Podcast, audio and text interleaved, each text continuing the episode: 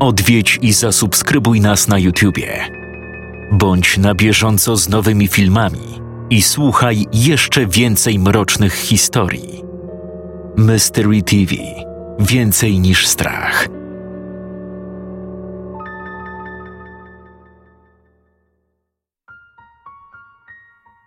Idzie tu.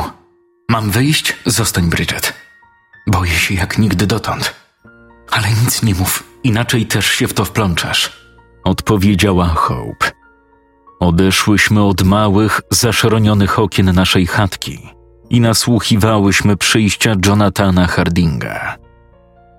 Kiedy po raz pierwszy doszły moich uszu podłe plotki na temat mojej siostry Hope, popędziłam do domu, zgarnęłam szybko jej kota, zaniosłam do lasu i wypuściłam. Batrzeba mogłaby zostać uznana za chowańca czarownicy i użyta jako dowód przeciwko niej. Wyjątkowo mroźna zima opóźniła procesy, ale oskarżono, pojmano i stracono już dziewięć kobiet w ciągu ostatnich dziesięciu miesięcy.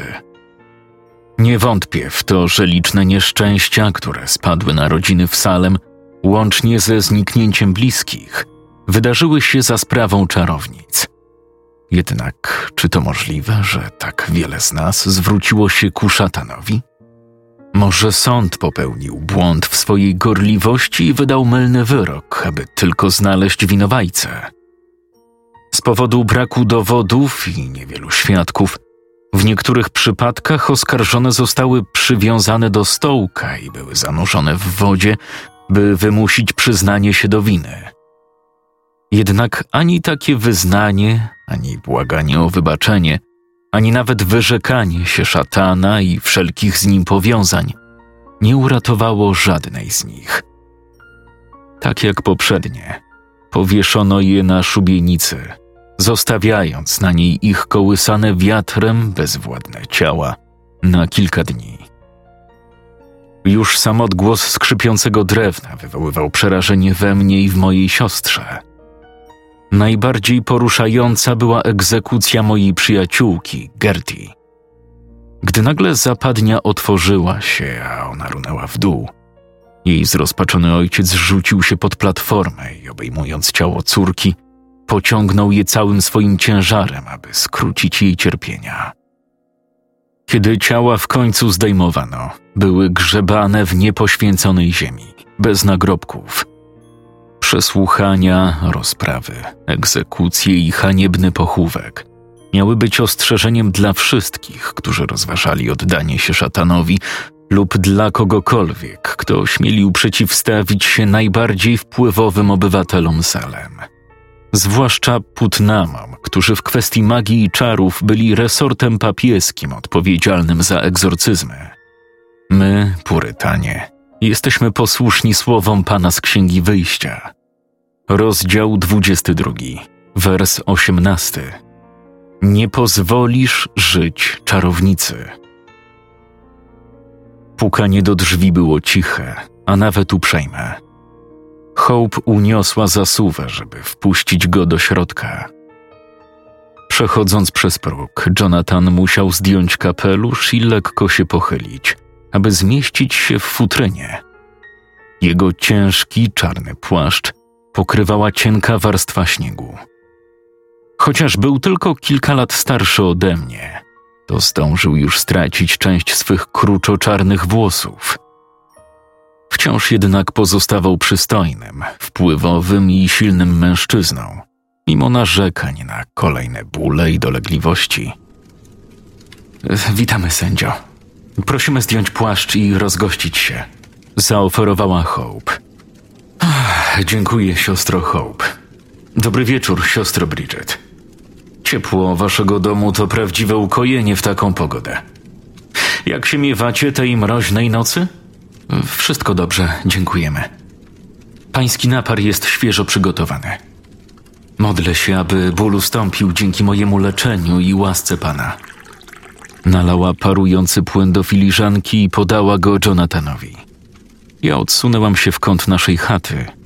Zapaliłam jeszcze dwie świece i zasiadłam przy kołowrotku maszyny przędzarskiej, która była naszym najcenniejszym dobytkiem i głównym źródłem utrzymania. Po zaczerpnięciu kilku łyków przez Jonathana, Hope odezwała się. Drogi sędzio, zawsze jesteś miło widziany w naszym domu. Ale czy dzisiejsza wizyta jest konieczna? Będę przecież w sądzie nie dalej jak za dwa dni. Zdaję sobie sprawę z tego. I zadbałem, by nikt mnie nie widział. Czy przyszedłeś zatem po coś więcej niż tylko leki? Zgadza się, siostro. Przyszedłem cię ostrzec. Dowody przeciwko tobie są niepodważalne, a świadkowie z pewnością potwierdzą wszelkie niegodziwości. Uważam, że powinnaś natychmiast uciekać z Salem. Hope, milcząc, dolała więcej mikstury do jego filiżanki. Słyszałaś, co powiedziałem? Zdaję sobie sprawę z mojego położenia, ale nie mam dokąd pójść. Poza Bridget nie mam żadnych krewnych. Nie chcę też zajmować się leczeniem w innym mieście. Ludzie z Salem wiedzą, że moje kompresy i napary uwalniają ich od bólu, a wspaniałe włókna, które przędziemy z Bridget, są powszechnie cenione. Nawet gdybym miała dokąd uciec, to i tak dzisiejsza pogoda uniemożliwia podróż nocą. Siostro Hope, oni chcą cię powiesić. Są pewni, że jesteś czarownicą. Niektórzy twierdzą nawet, że to ty sprowadziłaś do wsi czarną ospę. Kto uważa, że doznał krzywdy z mojej ręki? Wiedzą, że twoje medykamenty działają, ale ospa wywołała w nich panikę. Mówią, że na nią nie znalazłaś lekarstwa, że patrzysz z przyjemnością, jak umierają, a ich ciała zostają zdeformowane, że nie oszczędzasz nawet dzieci Wierzą, że ospa to klątwa, którą sprowadziłaś na Salem. Stwierdził Jonathan, po czym dalej popijał gorący napar. A co na to pani Putnam? Żona burmistrza twierdzi, że zdobyła dowód twej winy za pomocą ciasta wiedźmy. Bzdura. Żeby je upiec, musiałaby najpierw mieć mój mocz. Mówi, że wykradła go z twojego nocnika, gdy spałaś.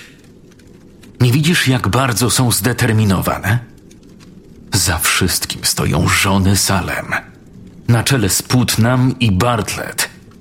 I po cichu, ale za to konsekwentnie, pchają swych mężów do działania. Dlaczego nasze siostry tak się ciebie obawiają? To proste. Ich mężowie patrzą na mnie z tą samą rządzą, która ogarnia też ciebie. Chociaż odpowiedź Hope była częścią naszego desperackiego planu na ratowanie jej życia, to nie zdołałam w tym momencie nie podnieść na nich wzroku. Zobaczyłam, że oboje patrzą sobie głęboko w oczy. Jonathan szybko odwrócił głowę, zanim wyszeptał: Siostro Hope, moje działania wobec ciebie są całkowicie przyzwoite. Mówił szczerze, a jednak mała blizna po prawej stronie brwi zaprzeczała jego zupełnej niewinności. Być może to właśnie przez tę bliznę, która działała jak bolesne piętno, udało mu się postępować cnotliwie przez te ostatnie dziesięć lat. Hope była bardzo powabna i nie zdziwiłoby mnie, gdyby pożądał jej tak samo jak kiedyś mnie. Pewnego ranka, kiedy matka jeszcze żyła, powiedziałam Hope, że idę na grzyby, lecz nalegałam, bym mogła pójść sama. Spojrzała na mnie ze zdziwieniem, ale zgodziła się zostać w domu. Zastanawiało ją moje zachowanie, jako że zawsze wybierałyśmy się na grzybobranie razem. Hope miała wtedy tylko dwanaście lat i chłopcy byli dla niej jedynie utrapieniem – ale ja żarliwie oczekiwałam spotkania sam na sam z Jonathanem. Weszłam na ścieżkę zacienioną gęstym lasem od zachodniej części wioski, od czasu do czasu wkładając do koszyka jakieś znalezisko. Ścieżka już trochę zarosła. Gałęzie wchodziły do oczu, a pod nogami plątały się pnącza i korzenie. Mimo to serce waliło jak szalone, a twarz rozpromieniła się, gdy ujrzałam delikatny prześwit na ścieżce, około ćwierć mili dalej. Matka zabroniła mi przychodzić w to miejsce z obawy na tych barbarzyńców z plemienia Łabanaki. Ale kiedy weszłam na polanę, czekał na mnie tylko mój drogi Jonathan. Od razu zwolniłam krok, trochę z rzeczywistej nieśmiałości, a trochę dla pozorów, bym nie wyszła na zbyt natarczywą. Gdy zbliżaliśmy się do siebie, wyciągnął ręce w moją stronę, kierując wnętrza dłoni ku górze. Ułożyłam na nich swoje przedramiona, czerpiąc niemałą przyjemność z poczucia jego siły i rozmiaru. Zaczęło się od czułego objęcia i pocałunku, ale zanim się obejrzałam, położył mnie na ziemi i rozdarł całą koszulę. Wtedy przestałam prosić i zaczęłam z nim walczyć. Z całych sił, ale był cięższy i dużo silniejszy. Nagle odrzuciło go w tył. Zaczął dyszeć, a z czoła popłynęła mu krew. Wygięłam szyję, by obejrzeć się za siebie i zobaczyłam Hope, stojącą z kamieniem w ręku. Dokładnie takim, którym wcześniej cisnęła w Jonathana. Wpatrywała się z przerażoną miną. Nie wiedziałam, czy przestraszyła ją wizja mojej krzywdy, czy też to, co mu zrobiła. Ale szybko się podniosłam. Pobiegłyśmy w stronę ścieżki przy brzegu polany. Kiedy przedzierałyśmy się przez zarośla, tuż za nami słychać było odgłosy liści i łamanych gałęzi, które stanęły Jonathanowi na drodze w pogoni. Po chwili musiał jednak upaść lub zrezygnować, bo gdy zbliżałyśmy się do wioski, nie słyszałyśmy już pościgu. Zanim opuściłyśmy las, Hope potrzepała mi ubrania i śliniąc opuszki swoich palców, zmywała brud z mojej twarzy. Potem, jako że zgubiłam gdzieś swój czepek, nałożyła mi na głowę swój własny. Przez względnie młody wiek, jeśli ktokolwiek zwróciłby nam uwagę, byłby bardziej wyrozumiały dla nieosłoniętych włosów Hope. Chociaż zasłoniłam się koszulą tak dokładnie, jak tylko zdołałam, to wyrwane guziki bardzo mi to utrudniały. Ostrożnie obserwowałyśmy codzienne ruchy w wiosce, jednocześnie starając się oprzeć pokusie rzucenia do biegu, by w końcu dotrzeć do domu, nie zwracając na siebie większej uwagi. Kiedy późnym popołudniem wróciła matka, miałam już na sobie nowe ubrania, a Hope naprawiła porozrywaną koszulę. Nawet słowem nie wspomniałam matce o tym, co się wydarzyło, tłumacząc, że przez ostatnie dni bez deszczu nie ma zbyt wiele grzybów. To było kolejne kłamstwo tamtego okropnego dnia. Hope potwierdziła moją wersję zdarzeń. Z trudem zdołałam ukryć przed matką swe przygnębienie. Za to moja siostra zdawała się być bardzo zadowolona i dumna z siebie. Podczas gdy ja torturowałam się rozpamiętywaniem dawnych przykrości, Hope i Jonathan dalej prowadzili rozmowę. W końcu oderwałam się od wspomnień i usłyszałam, jak mówi do niej. Siostro Hope, nie śmiałem cię tknąć, ani nawet składać niestosownych propozycji podczas całego okresu twojej opieki nade mną. Nie trzeba słów ani dotyku. To, co od ciebie bije, jest oczywiste. Wydawało się, że Jonathan nie był w stanie znaleźć na to właściwej odpowiedzi. Hope mówiła dalej. Nie dręcz się tym jednak. To mi pochlebia. To zaskoczyło go jeszcze bardziej. Hope naciskała dalej. Czy twierdzisz zatem, że mnie nie pożądasz? Nie zaprzeczaj. Kłamstwo też jest przecież grzechem. Ta rozmowa brnie w jakiś absurd. Nie będę w niej dłużej brał udziału. Nieważne. Nie potrzebuję ani ciebie, ani żadnego śmiertelnika.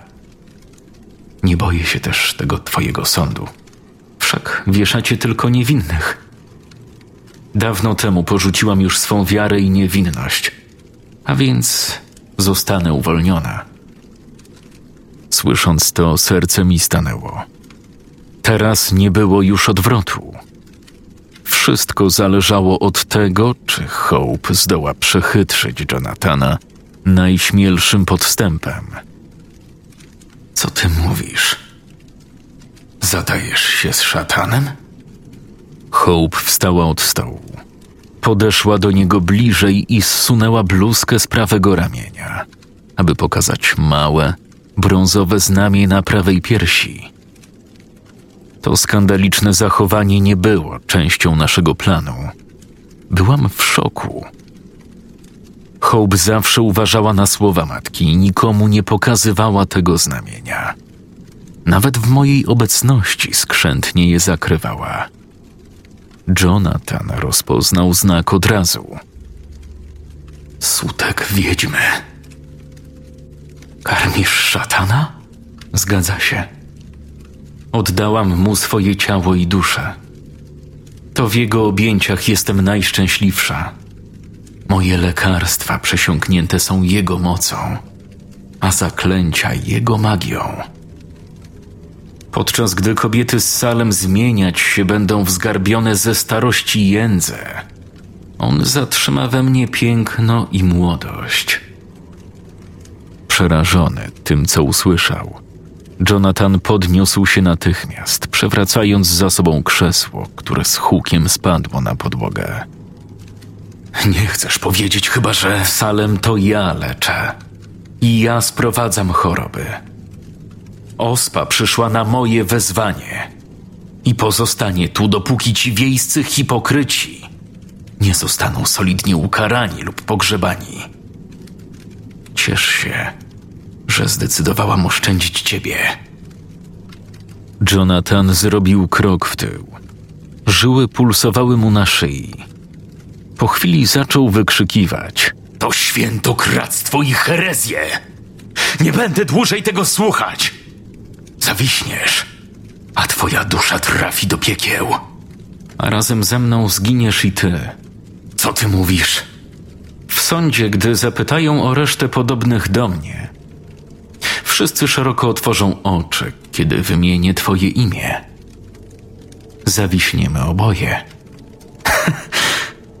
Uczyniłabyś to? Niewinnemu człowiekowi? Nikt nie jest bez winy, zwłaszcza w tej wiosce. Brałeś udział w uśmiercaniu dziewięciu niewinnych. Albo będziesz mnie bronił podczas procesu, albo skończysz jak ja.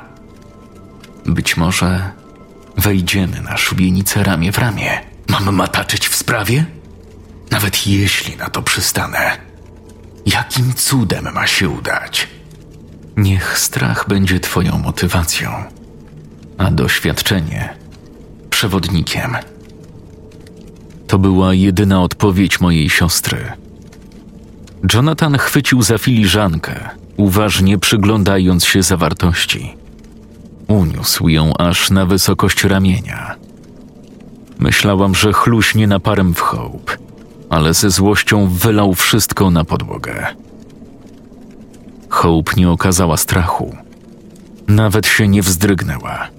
A ja z podziwem obserwowałam, z jaką determinacją wykonywała nasz plan. Poprzednio oskarżone kobiety robiły wszystko, by zaprzeczyć jakiemukolwiek powiązaniu z szatanem, a i tak skończyły na szubienicy. Wciąż jednak możliwe, że zraniona duma Jonathana popchnie go do ataku na Hope. Póki co chodził tylko w tej z powrotem, aż w końcu zwrócił się do niej. A co będzie, jeśli zdołam przekonać sąd? Po procesie byłabyś przecież bezpieczniejsza, gdybym nie żył. Mam swoje powody, by zostawić cię przy życiu. Ale teraz wracaj już do domu, zanim rodzina zaniepokoi się twoim zniknięciem. Wyjdź proszę, bo mój pan wkrótce tu będzie i z pewnością nie spodobają mu się twoje groźby. Jonathan odwrócił się i zerknął na drzwi. Potem szybko zabrał swój płaszcz. Popatrzył przez chwilę na Hope i prędko wyszedł bez słów pożegnania. Podbiegłam do drzwi, żeby przesunąć zasuwę, i od razu wzięłam Hope w ramiona. Dobra robota, siostro. Wspaniale. Umiera ze strachu. Myślisz, że uwierzył? Gdybyś nie pokazała mu tego znamienia, być może wahałby się jeszcze. I nie mogłybyśmy być niczego pewne, ale teraz jest już nasz. Nawet nie przyszłoby mi do głowy, żeby ujawnić to znamie. Co cię podkusiło? Strach, że w końcu przejrzy nasz podstęp. I złość. Złość, że mógł być w zmowie z panią Putnem i innymi? Szczerze mówiąc, coś innego. Blizna na jego brwi sprawiła, że przeniosłam się na tamtą polanę dziesięć lat temu, kiedy przygniatał cię do ziemi, rozrywając ubrania. Tym razem to ja zdejmowałam odzienie. Lecz i ja byłam agresorem, a on tym, który się boi. Był zimny poranek, dzień procesu. Hope i ja wymieniłyśmy kilka zdań przy stole, jedząc owsiankę. Każda z nas pogrążona jednak we własnych myślach i modlitwach. Chciałam pocieszyć i wesprzeć moją małą siostrzyczkę, ale zdołałam znaleźć siłę jedynie na serdeczny uścisk i przypomnienie, żeby pod żadnym pozorem nie używała w sądzie lewej ręki. Mogłoby to zostać odczytane jako powiązanie z diabłem. Czekałyśmy do ostatniej chwili, by wyruszyć w kierunku centrum, wiedząc, że do późnego popołudnia sprawa Hope na pewno zostanie rozstrzygnięta. Gdy przybyłyśmy na miejsce, niektórzy z naszych sąsiadów zebrali się przed wejściem na salę rozpraw, a w środku niemal brakowało już miejsc. Wszystkie procesy czarownic przyciągały tłumy. Były nie lada rozrywką dla gawiedzi, oderwaniem od trudnych i monotonnych zimowych dni. Przyszli tu, żeby gapić się na męki Hope, podczas gdy większość z nich używała zaklęć i talizmanów, by zapewnić sobie zdrowe plony i trzodę. Niebawem pojawił się Jonathan, żeby rozpocząć proces, i wszyscy wstali. Potem większość obecnych mogła co prawda usiąść, gdy sędzia zajął już miejsce w fotelu, ale obrzeża sali również wypełnione były po brzegi ludźmi, którym nie przeszkadzały miejsca stojące. Hope szybko ogarnęło zdenerwowanie, kiedy tylko stała się głównym obiektem zainteresowania tłumu. A ja, patrząc, jak jej pewność siebie topniała z każdą chwilą, sama prawie wpadłam w rozpacz. Gdzie podziewała się ta silna i zaradna młoda kobieta, która zdecydowała się na konfrontację z Jonathanem dwa dni temu? Sama, postawiona przed sądem – moja siostra Hope zmieniła się w cichą i pokorną mysz kościelną. Spoglądając na zebranych, zauważyłam, jak upływ czasu paskudnie potraktował panią Putnam. Jednak nie tylko to odcisnęło piętno na jej wyglądzie. Dopadło ją coś wyjątkowo paskudnego. Być może jakaś klątwa? Przez te wszystkie lata nie mogły wszak umknąć jej uwadze tęskne spojrzenia, które wysyłał jej mąż w kierunku Hope. Jej oskarżenia przeciwko mojej pięknej siostrze napędzane są szaloną zazdrością. Ja sama też muszę mieć się na baczności, aby mój gniew na żonę burmistrza nie zmienił się w czystą nienawiść – kiedy zostały dopełnione wstępne formalności, okazało się, że Jonathan będzie pełnił zarówno rolę prokuratora, jak i sędziego pokoju. Nie wiedziałam, jak mam to rozumieć. W poprzednich procesach prokuratorzy działali raczej z założeniem winy niż niewinności. Poczynali wysiłki na korzyść oskarżycieli i starali się uzyskać publiczne przyznanie się do winy od oskarżonych. Najbardziej przerażające było jednak to, że prokuratorzy stawiali sobie za cel odkrycie tożsamości pozostałych osób, które mogły być zamieszane w czary. Zdarzało się, że ci nieszczęśnicy bywali wtedy obecni na sali, co powodowało falę nieprzyjaznych spojrzeń i wypowiadane półgłosem komentarze. W miarę postępu procesu Hope zaprzeczała kolejnym wnoszonym przeciwko niej oskarżeniom. Nie odzywała się bez wyraźnej potrzeby i bardzo zdawkowo odpowiadała na pytania. Myślałam, że to rozsądna strategia, ale wzrok utkwiony gdzieś przed nią, w podłodze i skręcane palcami troczki czepka mówiły mi jasno, że ta łagodna postawa nie jest już częścią podstępu. Jeśli bierność Hope spowoduje, że Jonathana opuści lęk, było niemal pewne, że do domu wrócę sama. Hope musiała zebrać się w sobie, odzyskać siłę, którą pokazała Jonathanowi dwa dni temu w naszej chacie, a która miała już nigdy nie powrócić.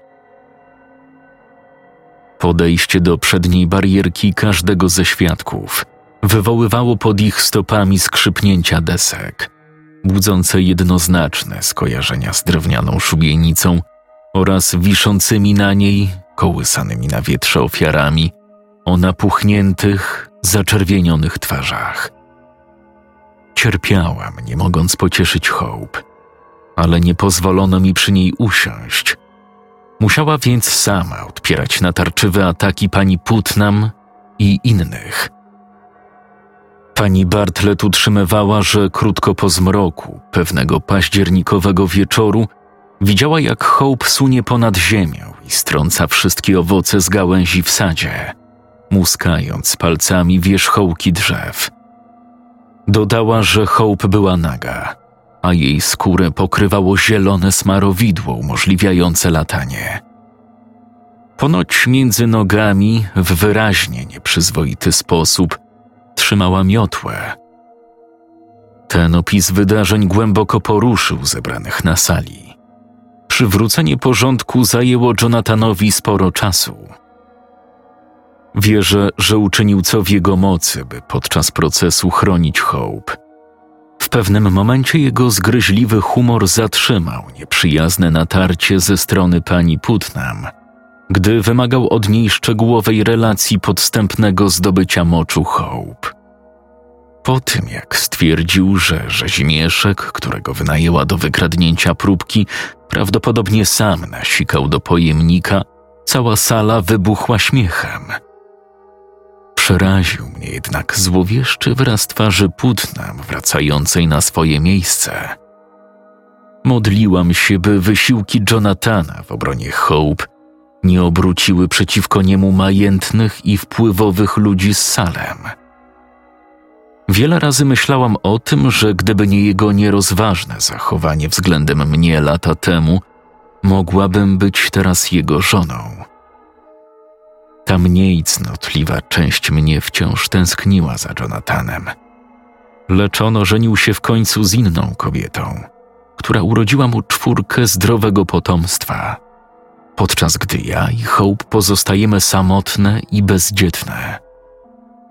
W czasie burzy z piorunami, jaką jest polowanie na czarownice, niezamężne kobiety są jak najwyższe drzewa w lesie – Wraz z zeznaniami kolejnych świadków piętrzyły się też dowody przeciwko Hope. Jonathan był w stanie obstawać za nią tylko do pewnego momentu, bez poddawania w wątpliwość własnego osądu, a w miarę upływu godzin jego zdolność do przekonania pozostałych wyraźnie słabła. Jego wcześniejsze przytyki i kwestionowanie zdania pierwszych świadków – musiały w końcu ustąpić miejsca niechętnej akceptacji faktów. Widząc to, jak ludzie zaczynają potępiać wzrokiem i mnie, opuściłam swoją siostrę, ratując się haniebną ucieczką z sali rozpraw. Reakcja zgromadzonych była dla mnie zrozumiała, ale nie mogłam znieść już dłużej tego absurdalnego widowiska.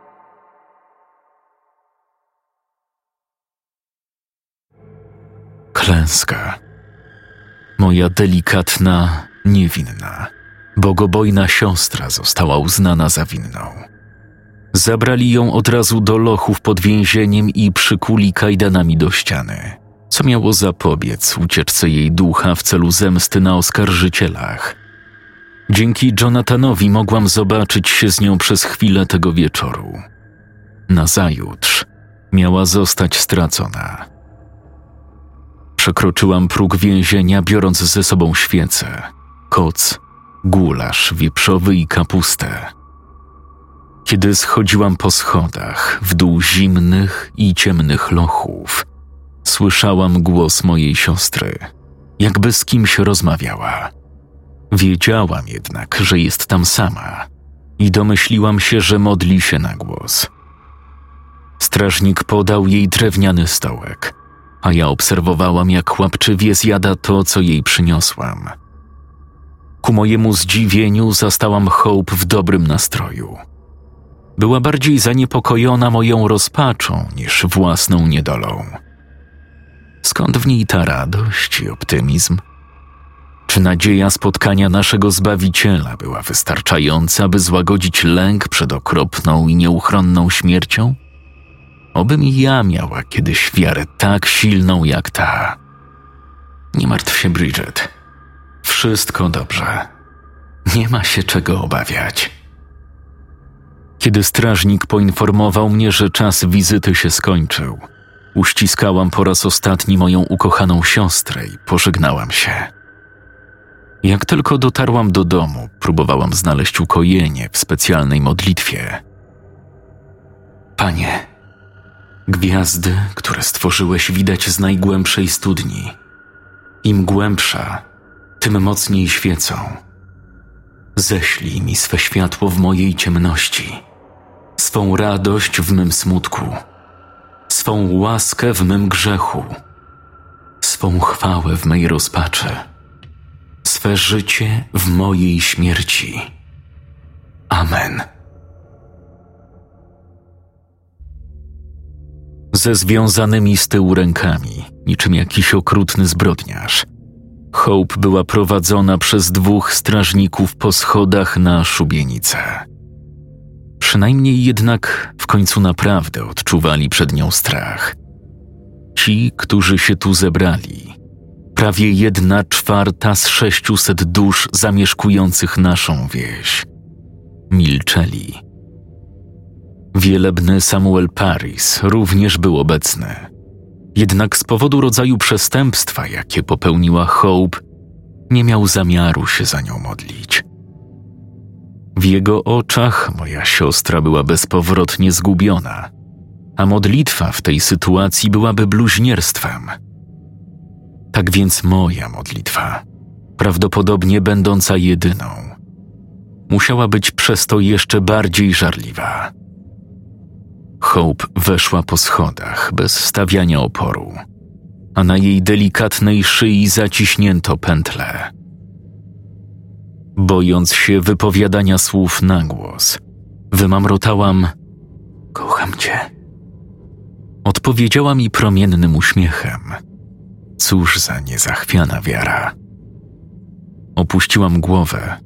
Nie chciałam patrzeć, jak Jonathan daje znak do rozpoczęcia egzekucji. Nagłe skrzypnięcie otwierającej się zapadni sprawiło, że zadrżałam. Słyszałam, jak cały tłum gwałtownie złapał oddech. Podniosłam wzrok i zobaczyłam, jak wierzga nogami.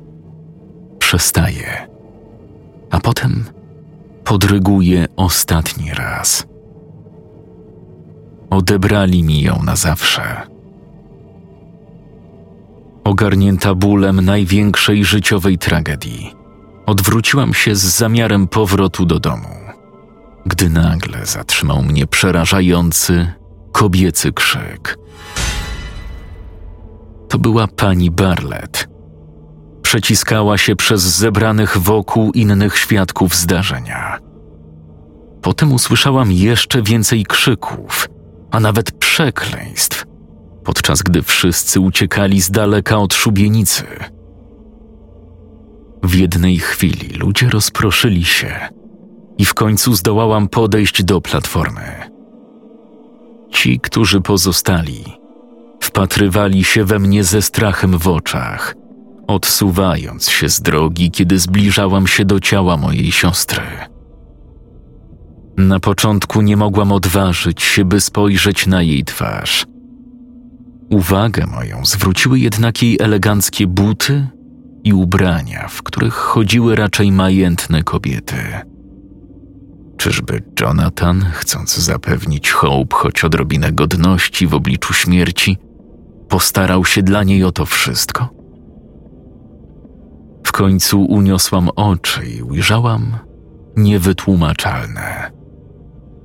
Zamiast mojej pięknej, uroczej siostry, patrzyłam na szpetne, nienawistne oblicze pani Putnam, żony burmistrza.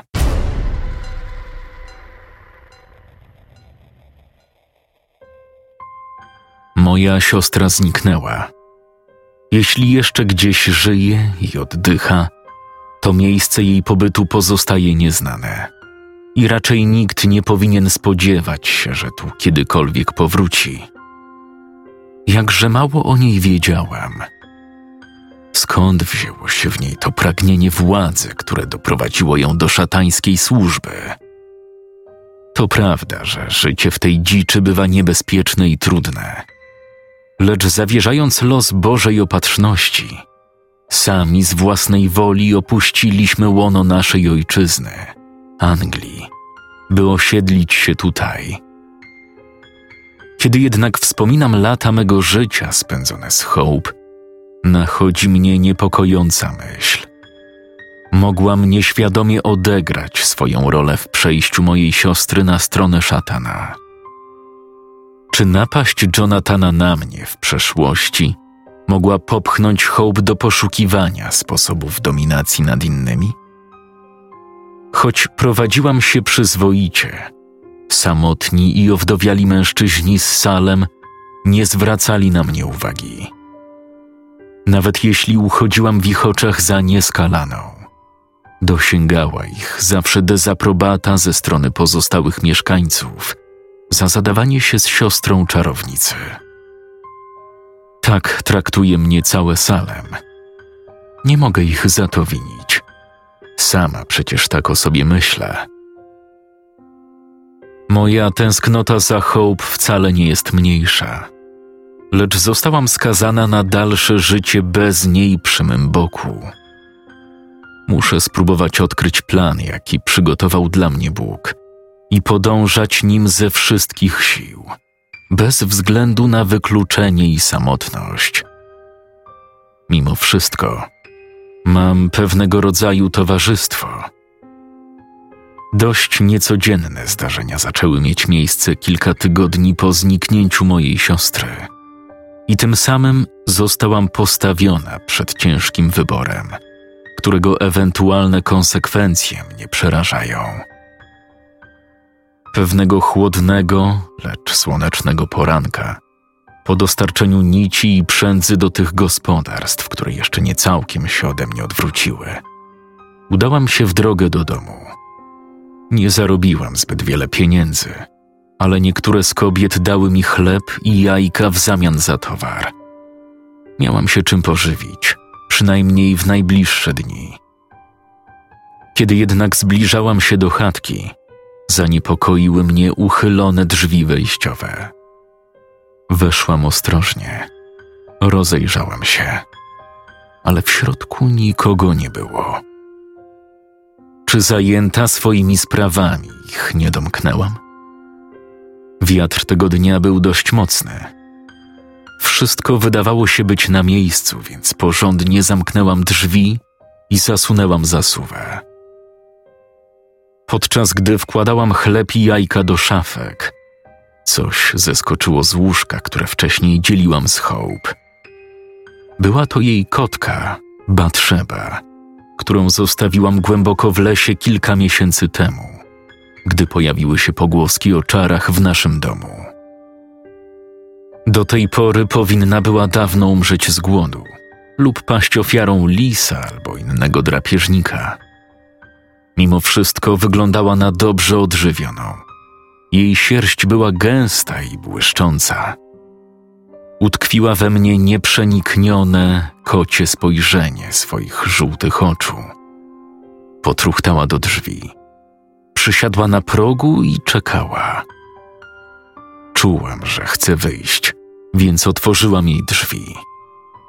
Batrzeba zrobiła kilka kroków naprzód. Odwróciła się i popatrzyła na mnie, dziwnie miałcząc. Po chwili podeszła jeszcze bliżej ścieżki. Odwróciła się i kolejny raz na mnie zawołała. Nie zdecydowałam się iść za nią. Wtedy pognała w stronę lasu, nie oglądając się za siebie. Minęły tygodnie, od kiedy Batrzeba pojawiła się po raz pierwszy i dalej składa mi wizyty. Nawet w bezwietrzne dni znajduję ją w domu, przeciągającą się na łóżku. Drzwi wejściowe zawsze są szeroko otwarte. Jej próby nakłonienia mnie do wyruszenia za nią stają się coraz bardziej natarczywe. Co robić? W tej wiosce nie ma nic prócz świętoszkowatych hipokrytów, ale boję się iść za Batrzebą do lasu. Jedno jest dla mnie jasne. Jej wołanie kusi mnie mocniej z każdą kolejną wizytą.